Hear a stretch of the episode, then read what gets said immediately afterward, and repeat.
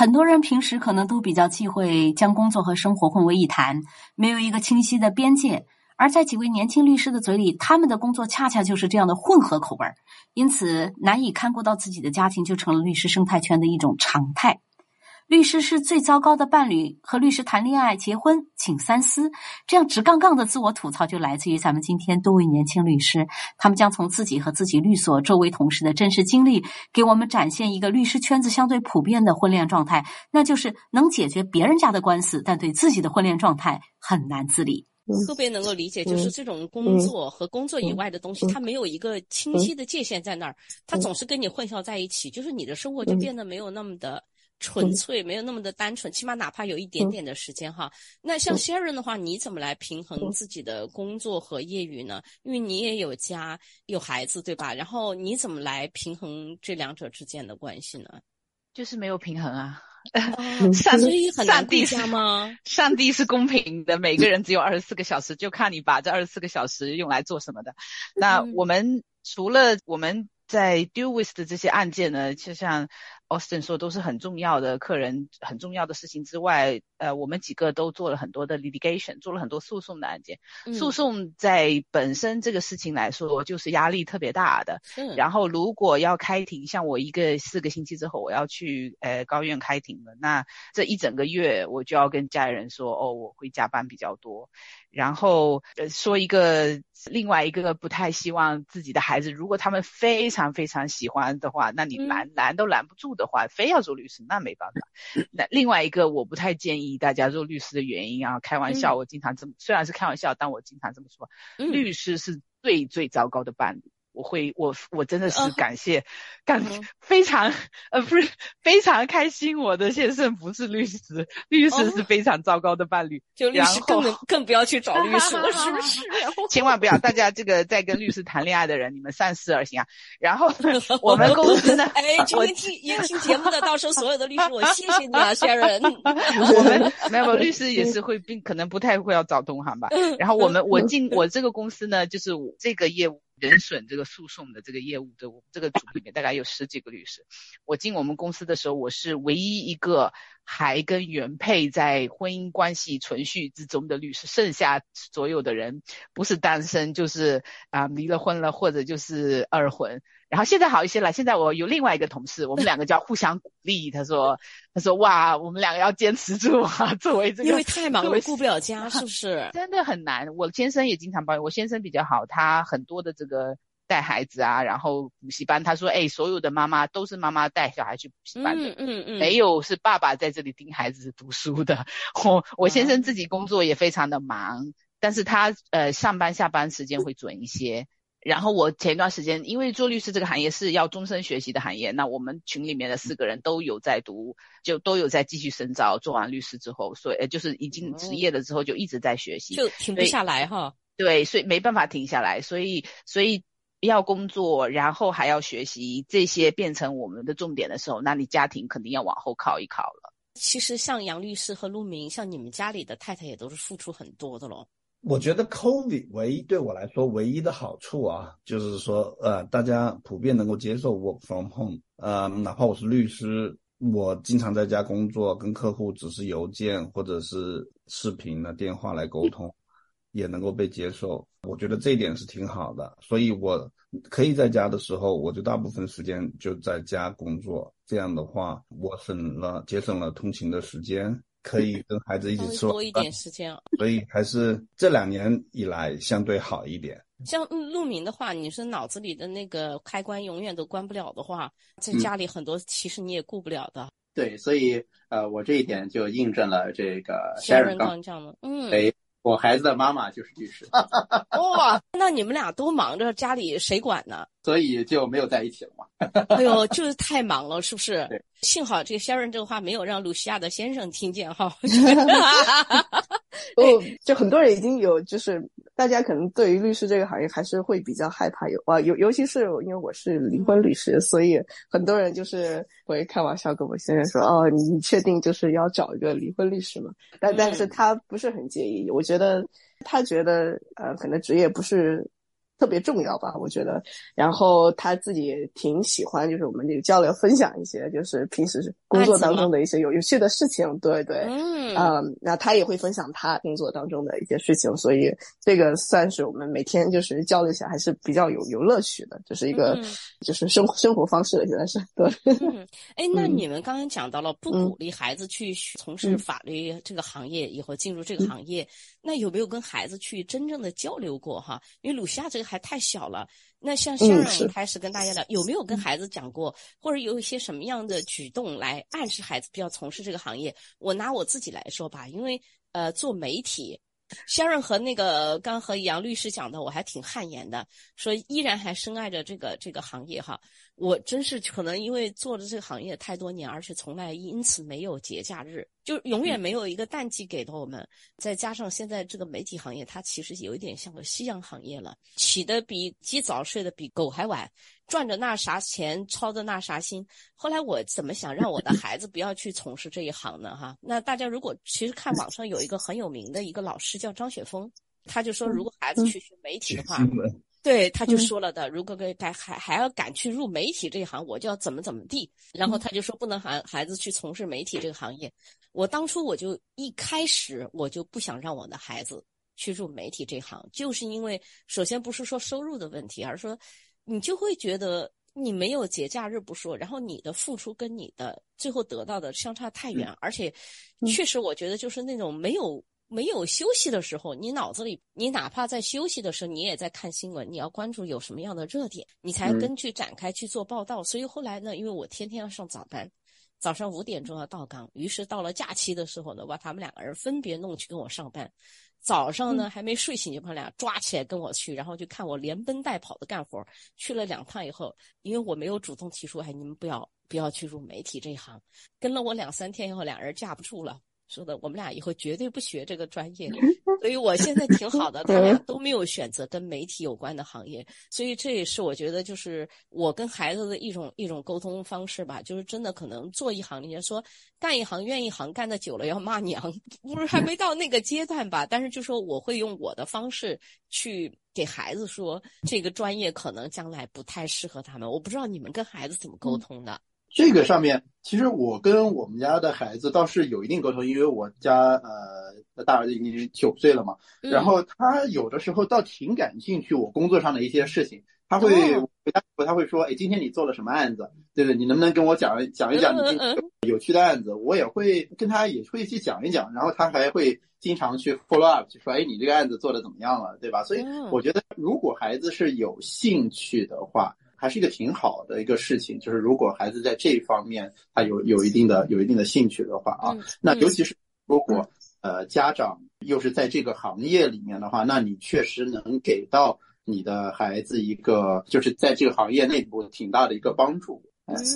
那会不会有一种我们叫外行看热闹？你看别人的这个职业和行业，永远是觉得哇，超有趣。就像你有，比如说，比如说我跟 Sharon 以前聊到一些 case，我都觉得哇，就觉得哇，为什么会发生这样的事情，对吧？Sharon 我们以前做采访，还有 Lucia，觉得哇，为什么会发生这样的？我对我 们外行人来说，就像听故事会一样的，就是你这是你的人生没有机会去接触到的。你的孩子会不会也是一种外行听热闹？就真正的将来去入了这一行就知道了。对，那是因为我们只跟你说了精彩的部分。嗯，对对对对对对对对。因为因为就是跟跟大家分享的话，就是这种很技术性的，就是这些东西，就是也比较难去去去说，所以肯定是大家就是把把好玩的故事，就是大家来分享。嗯觉得吧，就是作为父母亲，自己是职业律师的，我们不会有一种其他人的误解，觉得。律师跟医生就是光鲜亮丽赚很多钱受人尊重，嗯，只要移除了这方方面的误导，你说小孩你以后要做律师特别棒，就这种话我们是绝对不会在家里，我是绝对不会在家里讲的。你跟他真的多一些 reality check，跟告诉他这个行业真正的是怎么样的。如果他以后走上这条道路，那是他的选择，那他自己愿意做是他愿意做，但是我们不会。很去鼓励他说这个特别特别好，因为并不是这样的。我觉得任何的行业都没有轻轻松松的成功的，任何行业付出的都要付出了很多努力。所有成功的人都是很多努力之后才能成功的。就是社会上对这个律师和医生有这几个行业有误解嘛，就觉得我孩子一定要去做律师，因为他特别好。然后我们自己做这个的就不会跟他说这个特别好，这有很多的辛苦的事情要做。对对对，就像别人一说到你们啊，你们做主持人多光鲜亮丽啊，他们来试试，天天上早班，后面的辛酸有的还不足为人道，没法跟人去说。但我已经预感到，就像先生给孩子可能会说。你别去做律师，不然以后不好找对象。我可能不会，我可能不会，因为我就会说，嗯，哎，你的女朋友是律师吗？要不要再考虑一下？要不要跟露西亚谈一谈？我 我的好朋友露西亚，family lawyer，你跟他谈谈。对对对对，所以刚才刚才露西亚在说，有人说，哎，叫他先生要考虑一下，对，毕竟是一个家庭法律师，要三思而后行啊。刚才我们讲到，其实。真的干一行，不说愿意行，有的还在一直爱下去。呃，是陆明还杨律师，我们聊到可能会输掉一些你觉得不会输掉的 case，但赢了一些，哎，没想到他会赢的 case，能不能分享一些你们在工作当中这样子的，哎，就这种工作的职场经历？嗯，就是有这种蛮大的挫败感，没有想到完全没把握赢的，他还可能就赢了。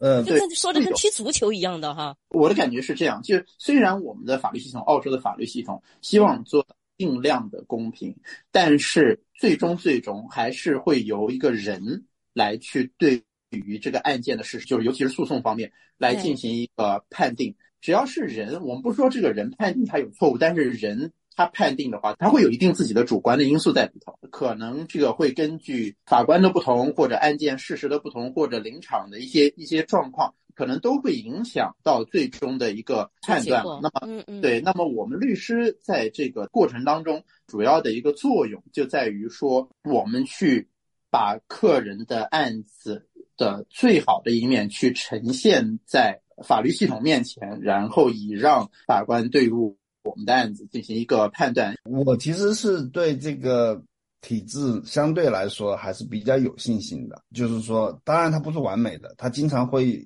呃，偶尔出来一些奇葩的事情，觉得我们认为低级的这个错误，但是整体上来说，我对这个体制还是有信心的。就是我听说这个话有点像吹牛啊，我主要是做商业诉讼这一方面的，行政诉讼这方面的律师，我可以说我是没有输过案子的，就是说最差最差的情况是和解的一个情况。诉讼的时候，你还是涉及到就是很大的成本，然后这对客人、对律师这个精力的要求也很高，所以一般来说，虽然我本身是做诉讼的，但是我不会说是碰到了一个案子，我就劝客户一定得打，我会告诉他啊，这个案子可能希望是不大的，你应该去跟对方去谈，然后想和解。这是我为什么说的，就是当然陆明刚才是不同意这个的，就是说。我认为律师有意思的地方，就是说，在一个法治社会里面，你大部分的问题，无论是跟政府还是商业之间的问题，还是个人的关系之间的问题，最终它能转化成一个法律的问题。然后，当你可以作为一个律师去用这个方式去帮助你的客户解决他人生最重大的问题的时候，我认为还是有这个很大的满足感的。哎，其实刚你讲的那一句，就是遇遇到有些 case，你觉得你会去劝 这个当事人，我们可能和解会更好一些。同样的话，其实鲁西亚以前跟我聊到过，遇到了有一些 case，作为律师还是蛮负责任，并不是我们一定要打，因为他花很多的钱，到最后他其实有时候还是觉得会劝对方去和解比较好。像 Sharon 和鲁西亚他们都是蛮术业有专攻，就是说他们有专攻方向的在法律方面。嗯，Sharon 这个主攻的人身伤害，你能不能跟我们分享一下你？职业生涯迄今为止最大的一次挑战，可以分享啊！我上次刚刚去上庭，案件就输了，然后这个澳洲很多本地的新闻都有报道这个案件。那因为我自己做的这块领域呢比较特殊一些，我这几年大部分的案件都是做儿童性侵赔偿的案件。那我们是代表呃受害人去告政府的组织。前一段时间呢，我们这个团队代理的一个案件已经诉讼长达两年之久了。哇，是一对 Aboriginal 澳洲本地土著人的兄弟。那他们以前呢，在一个很小的时候去参加教会的一个 camp 夏令营的时候，嗯，然后那里有一个澳洲历史上特别有名的儿童性侵犯。这个人呢。是有 conviction，是已经有犯罪记录的了，然后呃教会也知道这个事情很久，然后一直就把这个 priest 呢，把这个牧师呢从这个教区挪到下一个教区，又挪到下一个教区，因为这种事情。并不是很轻易的就能够跟别人分享的，特别是我们这个客人，他们是这个澳洲土著人的背景，等到他们很大的时候，二三十岁的时候去报警，报警的时候罪犯是还在的，这个这个牧师是还活着的，然后报警了之后呢，警察就开始这个刑事诉讼的程序，刑事诉讼程序大概从前到后大概走了一年一年多两年，那在这个程序之中呢，这个犯罪的这个人死掉了，这个牧师死掉了。然后很多年之后，现在这个是二十年、二十年之后，我们代表受害人去告这个教会。我们是有证据说他们是知道这个牧师的行为的，但是孩子把他挪来，在我们的法律这个范畴就是 negligent。你这个 claim 本身是很很 strong 的 claim，教会也是很有钱的，不是说我们告了他没有钱给赔给我们，因为这个犯罪分子呢有长很长的这个犯罪记录，所以有很多孩子。就是当年的受害者都已经站出来了，这个事情就我们叫 tendency evidence，这个是很 strong 的 evidence。这个案子为什么输了呢？这个案子输了是因为对方教会的律师说，你现在作为受害人来告我们教会，但是呢，这个犯罪分子呢，这个牧师本人已经死了，我没有办法传唤他来到庭提供证据对质，说这个事情到底有没有发生在你的身上。虽然我们知道这个事情发生在另外一百个孩子的身上，但是有没有发生在你的客人的身上呢？我没有办法让他来提供这个证据。第二，他已经很老了，他不在了，他管他的其他比他更高级职位的其他的这些牧师、教会成员也已经死了，我们不能传唤他们来到庭。来质问他们当时这个牧师的职责包不包括照顾小孩？你说的这个夏令营到底他在里面扮演了一个什么样的职责？然后我们去高院庭审，因为这一个原因，即使当时警察已经拿着我的客人的名字去质问这个律师，就是他们的这个辩护律师问了，我们有这个辩护律师的这个记录。问了他说，这两个人也说你当时对他们做的这些事情，你是怎么认为的？然后我们也有记录在案的牧师当时的这个回应，但是因为单纯的就因为这个人已经死了。然后法官判定说，死去的人我们没有办法，他是一个重要的证人。那因为这个重要证人不能到场，所以说这个案件没有办法继续进行，那就是整个案件就没有，这个案件就不是说赢了或者输了，这个案件无法进行，那我们的客人没有办法得到赔偿。这个真的是对于我们来说，因为大家从事法律行业，对正义、对 justice 还是有信心的。但你看到这样子的判例的时候，你真的是觉得挺伤心的。这种情况下，为什么教会是不需要负责任的？而且我的这两个客人呢，他们是嗯 optional background，其中有一个是被 diagnosed 了这个 end stage cancer，大概还有六个月的寿命。然后我们整个庭审就是要提前审审判，然后现在这个案子一审已经输了，在高院，我们现在正在做 appeal。呃，发生，当这种情况发生的时候，你就觉得挺无力的。那我们做很多时候，我们说我们做律师，因为我们我们的呃的 office of the court，我们是 serve the justice。但是我相信所有人做律师的人，你一定要心中要对正义、要对 justice 有信念，你才能进入这个行业。但是当这种事情发生的时候，你就会说什么是 justice？那 justice 我们寻求的 justice 是不是嗯是不是真正存在的？